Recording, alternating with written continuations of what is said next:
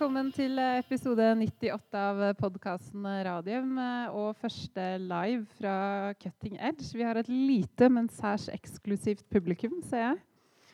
Som får vite alt eh, noen flere timer før det kommer ut eh, på Soundcloud eller Acast eller iTunes eller Spotify, hvor dere nå hører på podkasten vår. Eh, vi skal snakke om helseinnovasjon. Vi skal snakke om hvordan man kan få mer eh, innovasjon fra forskning. 9 milliarder kroner som årlig gis til eh, forskning innenfor helse, men eh, kanskje ikke blir nok omgjort til eh, innovasjon i form av medisiner, diagnostikk. Det er det vi skal snakke om fra litt uh, ulike vinkler. Jeg må si velkommen til deg, Jonas Einarsson. Takk skal du ha, Elisabeth. På farten. Alltid. Ja. Men uh, før jeg introduserer panelet Vi har jo en sånn fast uh, spalte som heter uh, 'Aktuelt skjedd siden sist'. Ja. Og du var jo veldig fornøyd med uttalelsen din i forrige podkast hvor du sa at nei, det har ikke skjedd noen ting, men det summer i biotek for tiden. Ja da, det jeg, jeg sa Du har fått god respons på noen sånne forum på den, eller? det er nok noen som har lurt på hva jeg la i det. Men Det er ikke noe sånn spesielt at jeg sitter med noe, masse innsideinformasjon på det, men, men, det gjør det. Det er mye interesse, og vi ser jo også når vi er ute og reiser på kongressene at de selskapene våre er, de er busy og har, har mye, mye, ting de, de, jobber med. Og nå har vi jo fått et par nye ting i, i løpet av den siste uken. Ja, Nordic Nanovector skal begynne med de. De har hentet inn uh, mye penger. De hentet inn 242 millioner. Det var det de hadde anledning til å gjøre uten å gå den store veien om nye generalforsamlinger med 20 av market capen. Uh, en emisjon som ble raskt fylt opp i løpet av en times tid, har jeg hørt. Og til en kurs som var rabattert, men ikke så veldig mye. Så det gir at de får litt lengre tid på seg til både å fullføre paradigmestudiet og, og få en readout på det. Så det er positivt. Ja, og De er definitivt et eksempel på innovasjon. Det er, altså det er selskap basert på kreftforskning eh, fra Radiumhospitalet, og som om noen år kanskje er en ny kreftbehandling. Ja da, det er en idé som kommer fra, først og fremst fra Roy Larsen. Men han er jo utdanna her på Universitetet i, i, Oslo i sin tid, og i tett samarbeid med sin partner in crime Øyvind Bruland, kliniker på Radiumhospitalet. Som startet helt fra, fra, scratch. Og som du sier, hvis de resultatene fra paradigmestudien blir det vi håper på, så er det ikke så veldig lenge før dette kan bli et produkt som kommer ut på markedet. Og så hadde vi veldig gode nyheter fra, fra, Bergen. Det er ikke så veldig mange selskaper i Bergen, men det er et uh, jækla bra et, for å si det sånn. Bergen Bio. Bergen Bio er, har en svært spennende teknologi eh, som de uh, utvikler. Og har nå fått en såkalt fast track av FDA. og det er et kvalitetsstempel. og det man kan bite seg merke er at de fleste av selskapene i, i sektoren i Norge får den type av fast track eller AA eller andre, andre sånne, litt sånn snarveier. Og det viser jo at det vi jobber med, er, er cutting edge. Det er innenfor områder med unmet medical need, som jo er kanskje den viktigste faktoren for å få en sånn uh, fast track. Det betyr jo ikke noe akkurat her og nå, men det betyr at når de får forhåpentligvis de resultatene de håper på, så får de litt sånn uh, VIP-treatment av FDA i form av uh, raskere møter, og, og, mer at FDA sier at dette er noe vi ønsker at vi skal få fram. Så det var svært hyggelig. Kvantitet, eh, nei, kvalitet kontra kvantitet? Ja, eh, men, men allikevel også litt med, med, kvantitet nå, siden vi skal snakke om, om denne sektoren og, og kommersialisering av dette. Det var som Øyvind Arnesen, eh, CEO i, i, i Ultimovac, sa tidligere i dag på, når han hadde keynote og presenterte kreftvaksiner og litt om feltet. Han sa at hvis du tar og legger sammen den pipelinen vi har i Norge innenfor onkologi, eh, både immunonkologi, men også radiofarmaka og andre ting, og sammenligner det med verdens største farmasiselskaper, så kan denne sektoren i Norge konkurrere med ethvert av de store internasjonale farmaselskapene. Så det er en veldig spennende pipeline vi har. Så bra. Da må vi få med oss eh, eh, panelet vårt. Ole Kristian Gjelstuen, administrerende direktør i Invento. Velkommen. Tusen takk, og takk for at vi får være med på den 98. utgaven. Det er en ære. og og nærme oss 100 på den måten og få være med på det. Så takk for det. Så bra. Og så er det Hege Edvardsen fra Abvi. Hei. Eh, du, igjen takk for at eh, jeg også blir invitert. Det er eh, min første podkast, og det er litt spennende. Men dere er jo god erfaring, så jeg er i trygge hender, antar Du jeg. er i trygge hender. Og sist, men ikke minst, Sander Tufte fra Forskningsrådet. Takk for det. Samme gjelder for meg også. Jeg er også relativt ny i gamet. Eh, Men da vil jeg begynne med det jeg starta med som introduksjon. Det at man bevilger da i Norge ca. 9 milliarder kroner til helseforskning eh, hvert eneste år. Eh, Hva syns dere? Får man nok igjen for det når det kommer til innovasjonsmidler? Jeg begynner med deg, Ole Kristian. Ja takk. 9 milliarder kroner er, er jo fryktelig mye penger. Og det er klart Norge opprettholder jo sin, sin finansiering på den sektoren. Eh, Mens mange andre land eh, skjærer ned. Så det må vi se på som et eh, stort mulighetsrom. Og så er det noe sånn at det, vi, det som kommer ut av den forskningen i dag, er jo på et godt europaklassenivå. Vi har hatt mang en rektor og, som har vært over i Boston, da, og det som er et populært sted å, å reise og hente inspirasjon, og som kommer tilbake og sier at jeg vil ha det akkurat sånn som på MIT. Eh, og det berømte svaret er jo da 'Give me MIT faculty, and I'll give you MIT results'. Eh, Men, men det mener jeg egentlig at eh, jeg syns vi, eh, vi skal vokse på det vi er gode på. eh, Og fortsette å utvikle eh, det som vi har startet på, og som vi er i god track på. Eh, Og så tror jeg det er veldig mange muligheter, og det er et brytningspunkt nå når det gjelder entreprenørskap. Eh, Ph.d.-studenter som vurderer entreprenørskap som en karrierevei i tillegg til å bli professor og, eller jobbe i et stort selskap, som kanskje har vært eh, de to viktigste tidligere. Eh, Og det er et mulighetsrom som jeg syns er, er noe vi skal være oss veldig bevisst altså når, vi, når vi går inn og vurderer dette. Og så er det si en ting til, og det er Vi har nettopp gått gjennom tallene, og det, det som er for sykehussektoren av det som i hvert fall kommer til oss i Nento, så har det vært en, en stigende antall nye ideer hvert år eh, helt fram til eh, 2018. eh, I, eh, siden vi ble, ble grunnlagt i 2010. da. Mens universitetet er veldig mye mer høyt og lavt og virker som det er det er sterkere konkurranse kanskje med undervisning, forskning. Du må vise tilstedeværelse for å vise at de skal være oppmerksomme på innovasjon. Eh, Og så er det også det at det er grunnforskning på universitetet litt lengre linjer fram. Uh, Men der tror jeg det kommer til å være en større impact hvis bare 1% flere 2% flere, altså Hvis det er 2 av de universitetsforskerne som i dag innoverer, og vi får opp det til 3 eller 4, så har vi dobla det. Hege, eh, Abbey, et stort eh, globalt eh, amerikansk basert eh, legemiddelfirma. Hva syns de om innovasjonstakten innenfor helse i Norge? Ja, altså, Nå skal ikke jeg forskuttere hva global syns, men jeg syns jo generelt sett fra, min, fra mitt ståsted og fra, fra ståsted her i Norge at vi skulle jo gjerne sett at den var høyere. Vi har jo gode historier om suksesser fra Norge. Men hvis du ser på f.eks. land vi naturlig sammenligner oss med, som er Sverige, da, så bruker du patenter som en målestokk på innovasjonstrykket, så hadde de i perioden 2001 til 2012 300 000 registrerte patenter. 14,3% innen helsefarmasi. Vi hadde i underkant av 68 000 og 9,7 innen helsefarmasi. Så vi har en vei å gå. i hvert fall hvis du tenker på at Kulturelt så er vi ganske like land, så, gjør de allikevel et eller annet der som gjør at de har en annen mindset, en annen kultur rundt dette her med innovasjon. da, kan det se ut som. Så look to Sweden når det kommer til eh, helseinnovasjon. Det er jo litt vanskelig å si akkurat det, da. Men for en, også oss i Norge å si 'look to Sweden', vi liker jo ikke å si det sånn, men de, et eller annet gjør de det der som funker. Så vi kan jo prøve å ta litt lærdom av det, da. At se på hvordan de jobber med kultur, f.eks. rundt dette med innovasjon. Eh, Sander, du jobber da i, i Forskningsrådet. Dere bevilger eh, ekstremt mye penger da, til, eh, til forskning innenfor helse. Og så gir dere ikke fullt så mye midler til å kom, eh, kommersialisere den biten. Men det har jo noe med mandatet deres eh, å gjøre. Jeg vet jo at du også har bakgrunn fra, fra Innovasjon Norge og dette berømmelige Boston-kontoret. Eh, men får vi nok verdi for penga?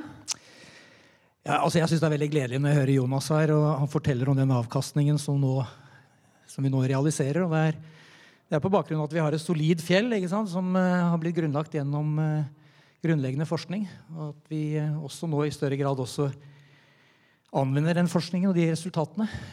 Og at vi har mekanismer som gjør at en del av disse ideene og resultatene finner veien ut i et kommersielt marked også, slik at de blir tilgjengelige og anvendbare for befolkningen ellers. Men når Jonas refererer til disse selskapene her, og den market capen de har, så kan man begynne å liksom, regne på den faktiske avkastningen som vi på en måte har fått gjennom da, den langsiktige og si, eh, målrettede investeringen vi har hatt i, i grunnforskningen. Eh, så jeg syns eh, fremtiden ser veldig lys ut. Og det jeg er opptatt av, er at de selskapene som har lykkes Når jeg For ti år siden jeg var i Boston, så var det to selskaper som var stjerner. Du kunne putte pengene dine enten på Klavis eller Algeta. Det var én av to som lykkes, som på en måte ble racere, og som på en måte ble ledestjerner for resten av næringen. Eh, men nå er det flere som er i ferd med å lykkes. Vi er, vi er forbi en kritisk masse. Og det jeg er opptatt av, er at de som da har lykkes, og er i ferd med å lykkes, at de også deler den kunnskapen med andre. Så Vi er et lite land med en liten næring, og det er et skjebnefellesskap. Det er ikke noe poeng at én bedrift alene lykkes. Alle må lykkes. Takes a uh, village to raise a child. Sånn sett så, så, er det viktig. For det er såpass mye risiko og kompleksitet i de innovasjonsprosessene som disse selskapene skal gjennom. slik at her må vi dele. og det er jeg håper det er lav terskel eh, for det nå. Eh, det kan jo noen av de andre her kommentere på, men det er helt avgjørende. En siste kommentar. Det, Ref det, så opplevde vi det til gangs i Boston og i, i klyngen der. og det økosystemet de hadde for helseinnovasjon, uansett om du snakket med en forsker eller en industriaktør eller en WC, de aksepterte og forsto at de var del av et felles innovasjonssystem. Og de hadde et felles mål, og de skulle bli best på biotek, medisinsk biotek i verden. Uansett om du snakket med en forsker eller en industriaktør. Så den type måte, retorikk og, og, felles målbilder må vi på en måte også etablere her. og Det tror jeg vi er i ferd med å gjøre også. Men det er et stykke igjen. og Det er noen kulturutfordringer, og det er noe som helsenæringen også tar opp. altså denne stortingsmeldingen på helsenæringen, At det er noen kulturbarrierer her som vi må bygge ned. da. Eh, så eh, ja. Har du en kommentar Einarsson, til det du har hørt panelet si? Ja, altså, Jeg mener helt bestemt at vi ikke får ut på langt nær det potensialet som uh, ligger i, uh, i, den store satsingen vi har på, på forskning, spesielt innen, innenfor helse, og spesielt da som vi er opptatt av innenfor uh, onkologi. og vi må fortsette å bygge kulturen. og det er fortsatt på Arendalsuka så var det en sånn diskusjon der om det fortsatt var en sånn mur mellom akademiske institusjoner og næringen. og så var det noen fra, fra, de akademiske institusjonene som sa at ja, nei, den muren har vi bygd ned. Mens eh, de fra næringen var vel mer der at de, de fortsatt så den, eh, så, så den, muren. Men uh, som jeg sier her, altså, det, er, det, er en, det er en wall. Men, men, det er noen sprekker i den. Da, som, som, Leonard Cohen sa, så er det 'that's where the lights gets in'. Så vi får utvide de sprekkene litt mer. Men jeg, men jeg, ser helt klart at det er eh, et stort potensial som vi ikke har eh, løst ut. Og vi ser også at de ideene som vi jobber med, og som blir til bedrifter, kommer fra et relativt begrenset antall miljøer. Og jeg er sikker på at det fins flere sånne miljøer og flere sånne juveler der ute i, i institusjonene som vi kan jobbe mer med. Eh, Hege, du har jo bakgrunn fra, fra kreftforskning på, på Radiumhospitalet. Uh, og veldig mye av det eh, Radforsk jobber med, altså de selskapene vi investerer i, de er jo da kommet derfra. Er det en, er det en sånn spesielt uh, innovasjonsglød uh, på Institutt for kreftforskning? Hva, hvordan syns du det var? Det er ikke så lenge siden du slutta der. Det er nå seks og et halvt år siden, så det begynner jo å bli noen år siden. Men jeg vet ikke om jeg vil si at instituttet som helhet har det, men at du har enkelte eh, motorer der som har en annen, litt annen måte å tenke på, litt annen måte å se muligheter på, og, og er eh, risikovillig og satsingsvillig og eh, får det til, det, det, vil jeg si at du har det. Og så er det vel et ganske unikt miljø med både at vi har Radforsk der, du har Oslo Cancer Cluster, du har klinikken, du har forskningen det gir jo litt mer interaksjon eh, og muligheter enn kanskje du ser i andre systemer andre, eh, på andre sykehus. Jeg vil jo si at eh, kultur når jeg jobba der, var fremdeles utfordrende. Jeg vil tro at det, det er vel ikke gjort noen store kvantesprang, men det er kanskje blitt myka opp litt. Det var i hele mitt utdanningsforløp og hele min arbeidskarriere på Radiumhospitalet vil jeg si at det var veldig lite fokus på at det vi gjorde, skulle ha et kommersielt potensial. Det var den akademiske veien, det var antall publikasjoner, internasjonale forskningssamarbeid, utenlandsopphold, veiledning av studenter. Det var det vi hadde i fokus. Og det å søke midler til å bygge videre på det vi jobba med. Og eh, idealet var jo offentlig tilgjengelig forskning og publisering og den delen. Det var det var jo litt sånn at det var litt hvisking og tisking en gang nesten om de som på en måte valgte å gå den kommersielle veien. Og jeg fikk merka jo litt det når jeg valgte å gå over til industrien selv, at det var litt sånn de så litt rart på meg og skrått på meg, noen av de, og tenkte at dette var liksom å selge seg litt ut. Og, og det tror jeg nok det er en uh, utfordring med fremdeles, fremdeles, Men jeg tror det er blitt bedre, det tror jeg. Og jeg tror man har fått en del politiske føringer som, som legger til rette for å uh, forbedre det videre, som er viktig at det kommer på en måte ikke bare til ledelsen og opp i systemet, men også kommer ut til de som sitter og har ideer og har lyst til å gjøre noe med det. at den det er lettere for de å rekke ut en hånd til industrien. da, Og prøve å, å, få til en dialog, få til et samarbeid. At vi ikke har på en måte to parallelle helsenæringer i Norge, den offentlige og industrien. Det tror jeg er viktig. Ja, for Det er jo pussig at det skal være mer høyverdig å sitte og gjøre basalforskning enn å jobbe med å få et legemiddel hele veien til altså markedet eller til pasientene. Jeg ser ikke noe forskjell der, i hvert fall. Det er mulig det er bare meg. Nei, jeg, eh, altså jeg, er jo veldig enig i det, men jeg tror, de ser, jeg tror, ikke de ser, det på den måten i det hele tatt. Jeg tror bare at de er ikke trent. De har ikke trent innovasjonsmuskler i det hele tatt. De, har, de tenker ikke altså vi, er ikke, vi utdannes ikke til å tenke på den måten i en akademisk uh, utdanning. Uh, at det tror jeg er blitt mye bedre nå. Jeg tror de har mye mer fokus på det på universitetet nå enn det de hadde den gangen jeg gikk her. Eh, for det er jo altså det er mengdetrening, og det er lære seg opp litt annen måte å tenke på, litt annen måte å jobbe på, som må på plass for å komme dit. Sander? Ja, Ole Kristian kan kanskje svare på det også. Jeg vet ikke i hvilken grad man har telekanter, at det er meritterende, at man befatter seg med innovasjon og anvender forskningen. Nei, det er, jo, det er jo mange muligheter. Jeg er jo veldig opptatt av at alle gjør noe med det de kan gjøre noe med selv. Eh, og det er klart å gjøre for universitetet for eksempel, å gjøre patenter meritterende. Jeg har selv sittet i vurderingskomiteer for professoropptak. og, og hvor patenter er på en måte ansett som bare søknader. Eh, og så vet jo jeg at en patentsøknad går det kanskje veldig mye mer arbeid inn i enn en vitenskapelig artikkel, men den teller ikke. Så, så det er klart, det, det finnes jo noen eh, sånne muligheter, men nei, altså vi kommer vel Kommer vi inn på hvordan universitetene spesielt da måles, så er jo ikke innovasjon uh, høyt oppe i oppdragsbrevene fra departementet, og der, eh, der, har de en del muligheter. Jeg tenkte, Uten å gjøre dette til en kulturell uh, samtale, så, så syns jeg likevel det er viktig, uh, det, som, det som Hege tar opp her. fordi jeg treffer folk fra industrien som reiser rundt og er daglige ledere i underavdelinger for global industri i ulike land. Og de sier at uh, i Sveits uh, så sier du er fra et legemiddelselskap, så er du uh, rak i ryggen og, og vel ansett. det skjer i de fleste land, inkludert Sverige. mens de samme folkene sier at etter en liten stund i Norge så er jeg litt forsiktig med å fortelle hva jeg jobber med. Og det er jo ikke bare sykehuset eller da forskere men det er på en måte litt sånn uh, samfunnsmessig. Og jeg syns jo ikke den politiske, polariserte debatten med vel, uh, velferdsprofitører heller hjelper egentlig på å gjøre denne kulturelle tilnærmingen raskere. Som vi trenger som, uh, som nasjon hvis vi skal klare å få til et oljeskifte snu og, og få noe ut av disse ni milliardene. Jonas, du hadde en kommentar?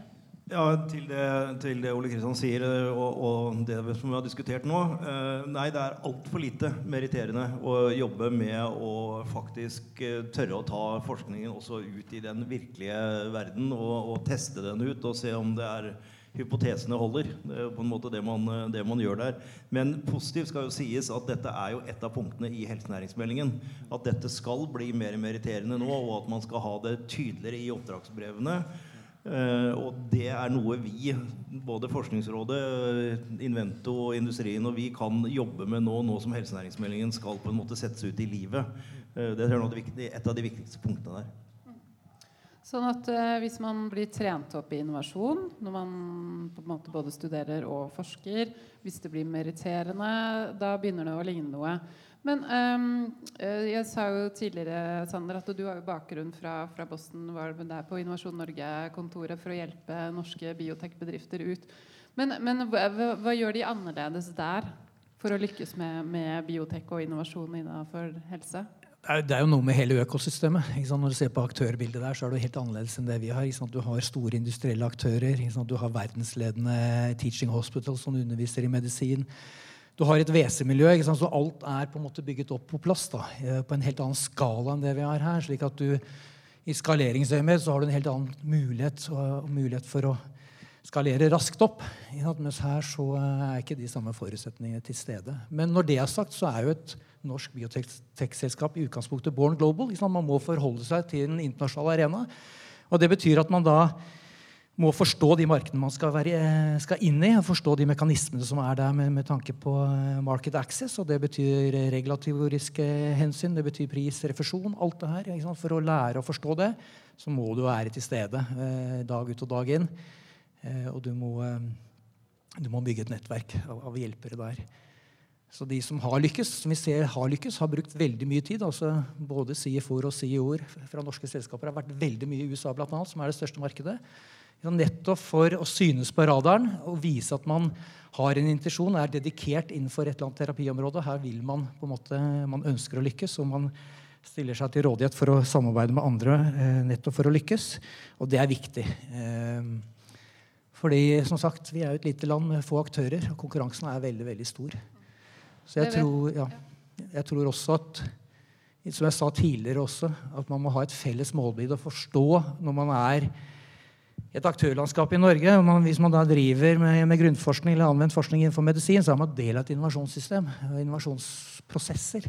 Og jeg tror det må vi på en måte få aksept for. At, at, uh, at, vi alle har en rolle. I den grad man da aksepterer og vil at noen av disse løsningene skal nå hva skal si, befolkninger og uh, unmet clinical needs, som Jonas sier, da er altså, veien er gjennom markedsmekanismer. Enn så lenge. Hege, um, sa jo det at Abby er jo et stort globalt amerikansk eh, selskap. Og dere fikk jo oppleve litt den derre Hva skal man kalle det for noe eh, Der går brannalarmen midt i podkasten. Da tar vi en pause, dere. Eh, Hege, jeg skulle til å stille deg et uh, spørsmål før pausen. Fordi Abby er jo et sånt stort globalt legemiddelselskap, som vi var inne på. og dere opplevde jo da Var det, var det i fjor? Eller tidlig, år. I år. Tidlig i år. Eh, beskjed fra hovedkontoret i USA at eh, sorry, Mac, eh, Norgeskontoret skal Dere skal nå bli en del av en nordisk eh, organisasjon. Og så vidt jeg skjønner, så ble jo da de viktigste funksjonene flyttet til Sverige med svenske ledere. Um, har dette noe med at vi i Norge ikke er så veldig villige til å ta inn nye legemidler og betale for dem? Eller er det en annen løsning der? Ja, det var et veldig direkte spørsmål. I utgangspunktet vil jeg si at uh, de skandinaviske landene har jo veldig spesielle markeder. Og at man trenger en organisasjon som er robust til å tåle de endringene som kommer i sånne markeder, er, en del av bildet. Men i forhold til det med hjemmemarked for innovasjon, så vil jeg si uavhengig av ABU vil jeg si at vi har en utfordring eh, ved det at man kan godt komme opp med gode ideer her, man kan utvikle gode ideer her, men man får ikke nesten innført gode ideer her. Eh, og vi har et system hvor, hvor pris er eh, rettesnor for de fleste avgjørelser som, som, tas, og man tar i liten grad hensyn til eh, for, forbedringer som ligger i nye innovasjoner og, eller tilrettelegge for næringsutvikling, som de sier på den ene sida at de ønsker, men når det, kommer, når, liksom, når det, kommer, til å innføre dette her, så er det pris som, som vektlegges. Selv om det skal tas hensyn til andre elementer også, så ser vi jo at pris er veldig førende. Det gjør vi. Og det er jo vel kanskje ikke det mest innovasjonsvennlige måten å gjøre det på, kan man si da. Ole Kristian? Ja, jeg syns uh, det, dette er veldig viktig. Skal vi bygge helsenæring i Norge, så er vi nødt til uh, Altså, alt kan ikke vokse fra nakenmark, så vi er nødt til å, å se på helheten. Uh, og de som er representanter for globale selskaper, små eller store, de er med og trekker kapital til Norge, kompetanse til Norge, kliniske studier til Norge. Så, så, det er åpenbart at pris, prispolitikken vi har i dette landet, og, og, eh, og, hvordan vi tar i bruk eh, nye innovative legemidler sent, kanskje heller enn tidlig, er med og påvirker hele scenarioet. Sånn at vi er, vi er, nødt til å tenke helhet her. altså Ikke bare kapital til, eh, til, nye oppstartsselskaper og hvordan vi skal vokse, som vi gjør vårt ytterste for å få til, og som vi føler vi har starta tidlig på, for så vidt, i forhold til at vi nå skal ha en helsenæring. Men da må man også tenke på helheten. Så du kan jo ikke snakke for andre enn Abby, selvfølgelig. Men, eh, men jeg kan snakke for alle sammen. Altså, de som er representanter i Norge for globale selskaper, er helter. Ja, og du har jo bakgrunn fra, fra GE, ledet det i mange år. Eh, Sander, du hadde også en kommentar? Ja, altså Mange av disse selskapene har jo kontor i Norge nettopp fordi de skal selge produkter her. ikke sant? Og, medisiner. Men jeg tenker det må også være andre grunner til at selskaper i fremtiden ser til Norge. Nettopp fordi kanskje noen av de ønsker nærhet til forskningsmiljøer og annen type kompetansemiljøer som vi har i Norge. Og det mener jeg er veien å gå. ikke sant? At vi nå Eh, viser til de si, klyngene vi allerede har, og de, eh, den infrastrukturen vi har. Nå skal vi bygge nytt livsvitenskapssenter hvor vi også skal invitere industrien inn. Så vi må også se på muligheten eh, for å motivere selskaper til å komme hit og ha en annen type presence her nettopp fordi vi har ledende forskningsmiljøer. Hva må til da, Hege, for å få global industri til å synes at Norge er attraktive? Altså, jeg vet egentlig hvor Norge er. Mm, ja, de vet jo det, men vi er jo et veldig veldig lite land på i utkanten av Europa. Og er ikke så veldig høyt prioritert, kanskje. Um, ja, men det vi ser, hvis du ser på de som ble godkjent av legemidler i fjor, i, eller i 2018 i FDA da, uh, i USA, så var to tredjedeler kom fra små emerging biopharma-selskaper. Og vi har, bør jo et, være et land som har uh, gode systemer nettopp for å få til det. Vi har høyt kunnskapsnivå i befolkningen. Vi har klynger, vi har gode forskningsmiljøer. Eh, så vi har jo alle forutsetninger for å få det til. Og vi ser jo en større grad av samarbeid mellom nettopp store firmaer og de akademiske miljøene. Eh, og vi må vi har kanskje ikke vært gode nok til å få det til i Norge. å få type, den type samarbeid. Vi er kanskje litt for redde for å inngå forpliktende samarbeid med industrien i Norge. Vi har ikke samme kultur for det som Hvis du ser på f.eks. innovasjon innen olje, så har man et helt annet samarbeidsklima enn det vi har. I Norge så er det mer sånn at industrien er der, og så har vi helseforskningen der, og så snakker vi sammen av og til på eventer som dette her, men ikke så veldig mye. Og det er jo klart at Hvis vi skal få dette til, så må vi gjøre det sammen. Vi kan ikke gjøre det hver for oss. Og vi som jobber i industrien i Norge, er jo veldig engasjert og motivert til å være med og bygge Norges helsenæring. Eh, men da må vi få til en god dialog rundt dette her. Jonas? Ja, altså, Det at Abby gjorde den uh, forandringen der nå, det er liksom litt sånn I Big Pharma så er det en egen sportsgren å drive med omorganisering. Uh, og vi så AstraZeneca på, på 90-tallet gjorde akkurat det samme og kom delvis tilbake siden. Så uh, jeg er ikke så veldig opptatt av det. Men det jeg er opptatt av, er hva er det som kan være attraktivt for Big Pharma-selskapene, annet enn salg og markedsføring. for det Eh, den prispolitikken, og, det det er jeg enig i det Ole Kristian sier, det er prispolitikken og ikke nødvendigvis prisen som er eh, utfordringen. Og, og som vi også mener at man må se på nye modeller for dette. Men det vi ser er at når vi bygger miljøer og økosystemer som dette lille vi har da i Oslo Cancer Cluster, så ser vi at også de store selskapene ønsker å være der. Thermo Fisher sitter jo i vår i Innovasjonsparken diskuterer nå med de om å drive mer forskning og utvikling sammen med de. Eh, vi får Imtech-senter i vårt neste byggetrinn. Der kommer plutselig GE inn med, med sine på, på, imaging, altså på, på, MR og CT, i en stor satsing. Eh, og, og, da vil de se at det er, dette miljøet kan jo være det stedet hvor de nye ideene kommer. Så det er, det er viktig å være her for å være så tidlig som mulig i interaksjon med de miljøene hvor den nye cutting edge kan, eh, teknologien kan komme fra. Så det er sånn vi kan trekke de til oss, tror jeg. Eh, Sander, en siste kommentar, og så har jeg et spørsmål om noe helt annet. Jeg bare kommentar til det Jonas sa også. Jeg tenker eh, Fremtidens medisiner også vil i stor grad utvikles og fremstilles gjennom det man kaller for real world data, altså real world evidence. ikke sant? Hvor da mye av data bevisbyrden også kommer utenfor si, organiserte og, og, og uh, randomiserte studier. Og Der har jo Norge et fortrinn med det digitale samfunnet vi har her, og den åpenheten vi har. At vi kan tilby liksom hele datasett og pakker basert på mange ulike kilder og plattformer. Eh, som en del av disse selskapene vil, vil eh, sannsynligvis benytte seg av i fremtiden. Og data har vi jo nok av, men vi er bare ikke så gode på å bruke det. Hege, du hadde en kommentar? Ja, jeg vil jo si at Vi har eh, mange gode registre i Norge, men det er ikke alle registrene som er så gode som vi gir de kred for å være. Og i forhold til det å være attraktiv leverandør av data, så må vi ta i bruk det som er International Standard of Care. Vi må ta i bruk behandling for å få data på behandling. Og der ligger vi etter. Vi henger etter. Vi er en sinke i å innføre ny behandling i Norge. Og da må vi se på hvordan vi, Hvis vi ønsker å være en leverandør av helsedata, så må vi kanskje ta tak i ting på en litt annen måte enn det vi har gjort til nå.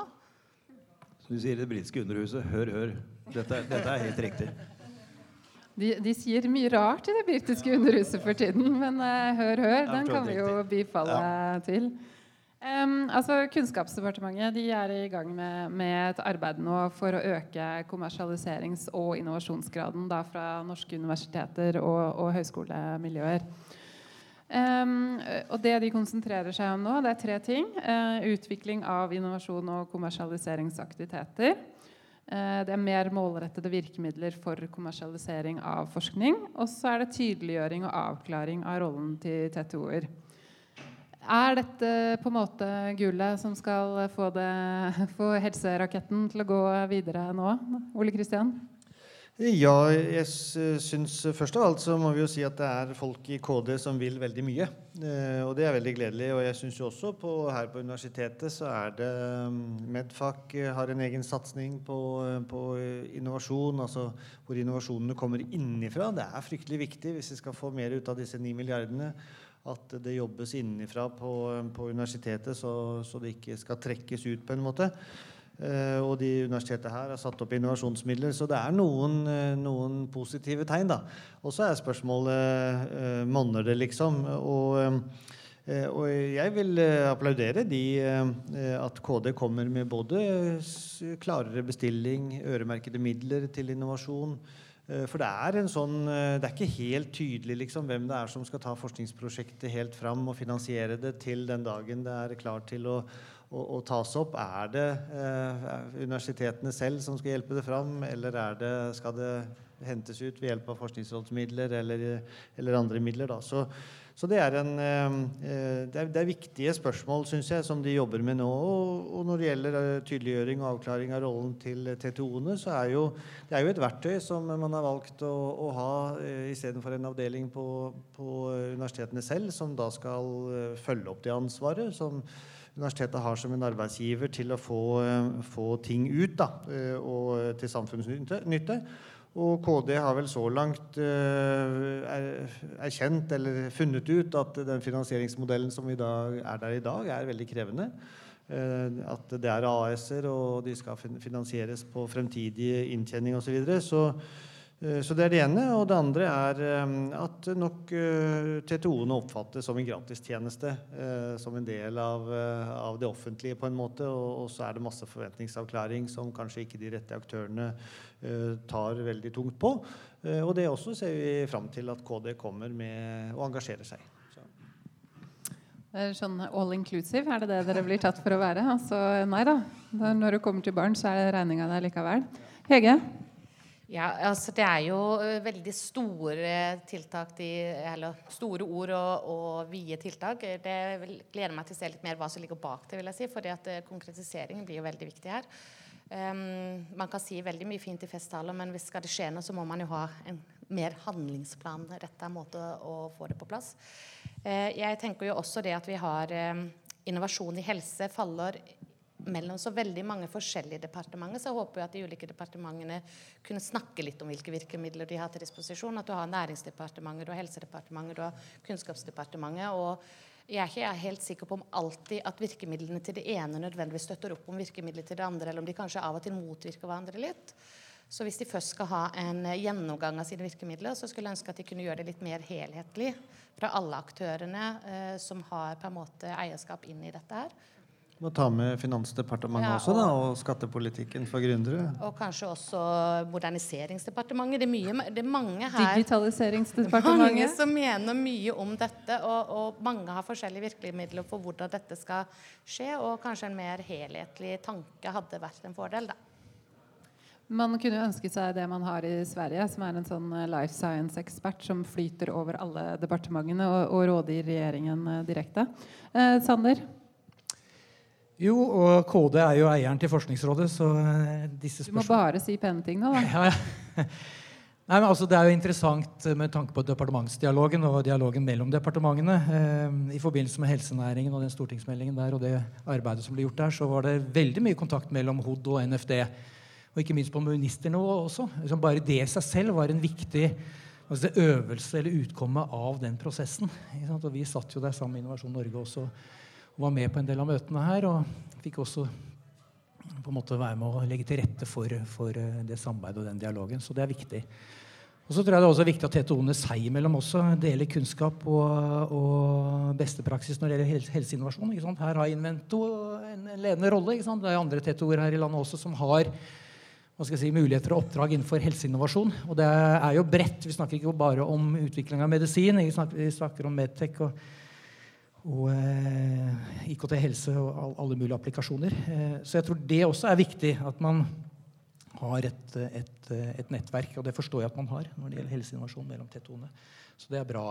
Og så er det som Jon også er inne på, også, sant, overgangen fra den grunnleggende forskning fra et akademisk miljø er inn i et hva skal si, mer innovativt eller inn i en innovasjonsprosess. Da, Hvordan sørger man for at man har virkemidler som kan verifisere og optimalisere de resultatene og ta de inn i det jeg kaller for en kommersiell løpebane. En del av våre virkemidler er veldig gode til det, hvor vi da bringer TTO-en og også fagmiljøene sammen. Og man på en måte også veldig tidlig innretter seg og får på en måte hatten på for den kommersielle løpebanen. Eh, og det er vel også noe av clouet når vi snakker helseinnovasjon, er å kunne ha to tanker i hodet samtidig. Altså både være hva skal jeg si, teknologi-faggründeren, men ganske snart også bli den der teknologi-biotek-kremmeren også. Ja, så det, er, eh, det ligger en del der også. Jonas? Ja, jeg tenker at det er veldig riktig uh, at det er mange departementer som er inne. Og det har liksom frustrert oss litt, da, for du vet liksom ikke helt hvor du skal gå hen uh, for å få respons på det vi prøver å, å sette søkelys på. Men uh, det skal sies, helsenæringsmeldingen som du sier, det var både, både Helsedepartementet og Næringsdepartementet. Og dette initiativet fra Kunnskapsdepartementet er, er nå i samarbeid med Næringsdepartementet. Så, så det, det, er faktisk ganske positivt. og det du begynte med, Elisabeth, var disse tre områdene. Ja, det er, det, er, det er, slett ikke så verst å sette søkelyset på, på, de tre. Så må vi ned til litt mer sånn nitty-gritty etter hvert og se hva vi skal virkelig gjøre med det. Men å jobbe med, med kulturen for kommersialisering og innovasjon og, og, spørre forskerne altså hvorfor, hvorfor, kommer dere ikke med mer ideer. Hvorfor er dere ikke mer fremoverlent i forhold til det å gå inn i et, et slikt løp? Jeg med, har snakket med forskere om dette nå i snart 20 år. Uh, og, og, det er ganske mye kunnskap vi får fra de hvor flaskehalsene eventuelt sitter. Og det er hele da, innovasjon, patentering, kommersialiseringsprosessen, rollene til, til TTO-ene. Eh, og ikke minst finansieringen av det første løpet i en innovasjon- og kommersialiseringsutvikling. Hvem skal ha det ansvaret? Eh, jeg tror at det har vist seg at det er for enkelt for universitetene og sykehusene å si at vi setter opp et AS, som de har gjort med Invento, og sier at eh, da må dere klare dere sjøl. Vi som har jobba med dette i ganske mange år, vet at det er relativt langt imellom og lang tid fra vi starter til man eventuelt høster. Og hvorfor skal man ha en TTO? Er det fordi at TTO-en skal tjene masse penger, eller er det fordi den faktisk skal være det en TTO står for, Tech Transfer Office? Nemlig å få vår teknologi ut i den, i den virkelige verden. Så jeg ønsker hjertelig velkommen at man får en full gjennomgang av, av dette. Uh, og, og, jeg vet at Ole Kristian faktisk er helt enig med meg i det, at det er helt på sin plass nå. Uh, vi begynner å nærme oss slutten. Vi har ett uh, siste spørsmål igjen. Men jeg tror vi skal prøve å ta det litt kort, selv om det er uh, stort og, og, vanskelig spørsmål. og det angår den såkalte tredelingsmodellen. før vi kan diskutere den, så må vi få en forklaring, en diskusjon eller en definisjon, ikke en diskusjon. Eh, Jonas, føler du deg kompetent? Eh, jeg føler at jeg jobba litt med dette her. Eh, veldig kort historisk så var det jo sånn at vi hadde det som het lærerunntaket omtrent i hele verden. Hvor forskere selv eide sine oppfinnelser, selv om de var funda av offentlige midler. Så er det jo sånn at De er ikke bare funda offentlige midler. De er funda i Norge av Kreftforeningen, av legater og av, av, mye annet. Men i USA i 1980 så kom det som heter Bay-Dole Act, som var en lov som sa at disse oppfinnelsene skulle tilhøre den institusjonen som, som disse vitenskapsmenneskene var ansatt i. Og i 2003 så ble lærerunntaket fjerna i Norge. Interessant nok så har den aldri blitt fjerna i Sverige. Eh, og hvis man nå sammenligner det som har skjedd siden 2003 i Sverige og Norge, som man kan lese litt om i, i Menon-rapporten og kapitaltilgangsutvalgsrapporten, så ser man at det ser ikke ut som det var et så veldig riktig grep allikevel. Og så, Jeg var med akkurat når dette, når dette, skjedde. Og da på en måte adopterte vi det vi kalte for den modifiserte Stanford-modellen. Med denne tredelingen at gevinst skulle gå dels i tre. En tredjedel til oppfinnerne, en tredjedel til miljøet hvor oppfinnelsen kom fra, og en tredjedel til institusjonen. Når det gjelder rene utlisensieringer, som vi holdt på mye med tidligere, og som jeg vet uh, Ole Kristian disse gjør ennå, f.eks. på cellelinjer som lager antistoffer, så lager du en avtale, og så får du en royalty, og så fordeler du den på, på etter tredelingsmodellen. Det funker aldeles utmerket. Det fungerer ikke når vi skal sette opp AS-er. Det kan bli en lang diskusjon om hva som bør gjøres. Eh, men forskerne føler ikke, og jeg mener ikke at de blir tatt godt nok vare på i den modellen. Så her må man tenke helt nye modeller. Skjønner. Så du, du er eh, kritisk til modellen. Du ville helst eh, hatt en annen modell og mener at det hadde ført til mer innovasjon i form av bedrifter innenfor helse? Jeg føler at det må være fleksibel. Uh, det som jeg sier at For rene lisensavtaler fungerer aldeles utmerket. Men når man da har en forsker som ønsker å sette opp et selskap, ønsker å ta dette videre selv, så fungerer den dårlig i, i mine øyne. Og Det første Kunnskapsdepartementet sa når vi ble invitert til dette dialogseminaret, var at hvis dere har områder hvor dere syns tredelingsmodellen fungerer, så er det helt fint, det. Men det er det ingen som har sagt dere skal gjøre. Så Universitetet i Oslo Oslo universitetssykehus og alle andre institusjoner de står helt fritt i hvordan de skal gjøre denne, denne fordelingen. De skal i utgangspunktet eie oppfinnelsen, men hvordan de kommersialiserer den og hvordan de tar vare på forskeren i det, det er faktisk opp til den enkelte institusjonen, slik jeg tolker det jeg har snakket med Kunnskapsdepartementet om. Ole Kristian, hva syns du om tredelingsmodellen? Ja, altså det, Som en finansieringsmodell så tenker jeg at den eh, altså Hvis vi ser på de tre delene, så tenker jeg at den anbefalingen som kom da i 2003 Eh, når dette ble gjennomgått. Og, og, for resten av samfunnet så gjelder, det, gjelder, det, jo sånn at den som betaler lønna di, eier ideene dine. Og da ble det sånn også for universitetet. Så var nok den anbefalingen om en tredelingsmodell for å sikre seg, eller i hvert fall for å anbefale at oppfinnerne skulle tilgodeses med en tredjedel av alle fremtidige inntekter. Eh, så, så, jeg tenker sånn sett så er jo det relativt uh, raust. Uh, da har du ikke alt, selvfølgelig. Mm, altså, du eier ikke ideen din 100% men du har jo hatt offentlig lønn. Og, og, du har jo ingen utgifter med patenter eller i løpet, altså økonomisk risiko videre. Så, så sånn sett så er jo det, det kurant. Og så er det, så, så er det de to andre delene, den, den andre tredjedelen. Altså alt, hele summen går jo egentlig til universitetet og sykehuset, til arbeidsgiver. Og så deler de da den ene tredjedelen til oppfinnerne. Den andre tredjedelen eh, i praksis går til oppfinnerens gruppe, til ny innovasjon, ny forskning. Og så har de valgt da å, å la den eh, tre, siste tredjedelen av fremtidige inntekter eh, gå til å finansiere TTO-en. Så har de ingen andre utgifter i utgangspunktet med, med TTO-en eh, sin. Altså det arbeidet, Man kunne jo tenke seg at dette var en avdeling på universitetet, på sykehuset, men det, det var i hvert fall en, et ansvar som institusjonene da har til å, å ta ideer fra sine ansatte videre, som, som, egentlig andre arbeidsgivere også tar på alvor. Så, så det er jo ikke en, en sånn uh, optimal finansieringsmodell for TTO-en, akkurat. Og det er jo heller ikke de som har valgt den. Det, det, å jobbe for fremtidige inntekter Du må jo hente inn dagens utgifter på en eller annen måte.